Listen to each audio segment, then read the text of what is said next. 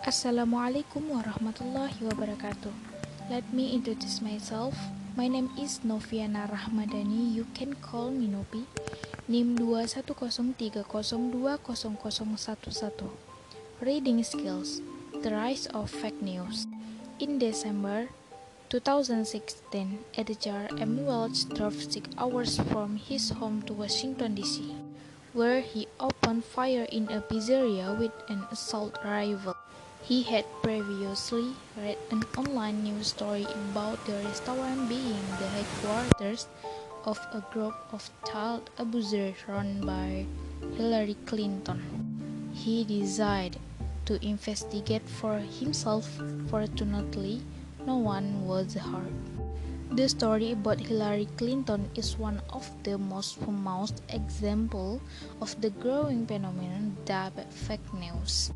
The conspiracy theory about the pizzeria began to appear on websites and social networks in late October.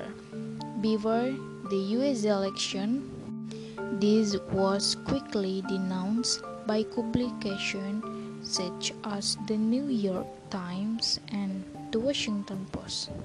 However, many people thought that these papers were themselves lying for political ends, and instead of disappearing, the fake stories now belt.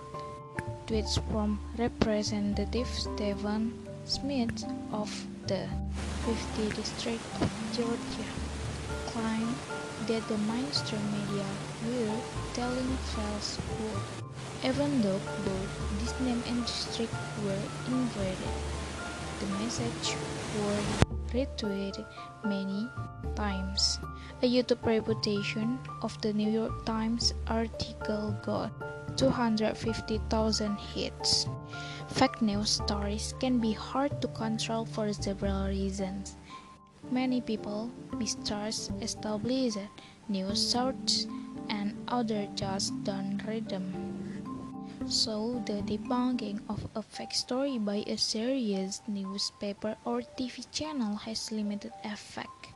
In addition, the internet is very hard to polish.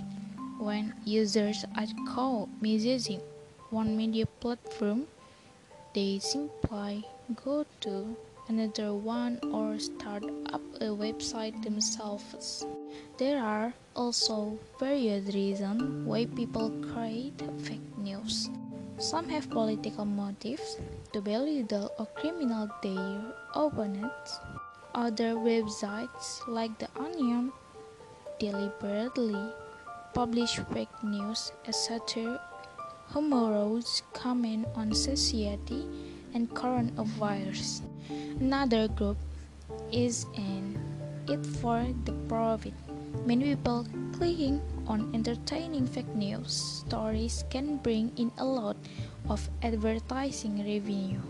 One man running fake news sites from Los Angeles said he was making up to 30,000 US dollar amount in this way.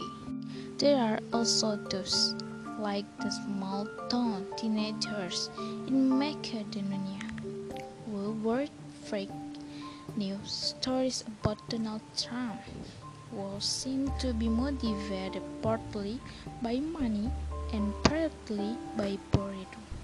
So, what can we do to stop fake news spreading? First, make sure that the websites you read are legitimate. For example, by looking carefully at the domain name and the about section. Check the sources of any quotes or figures given in the story.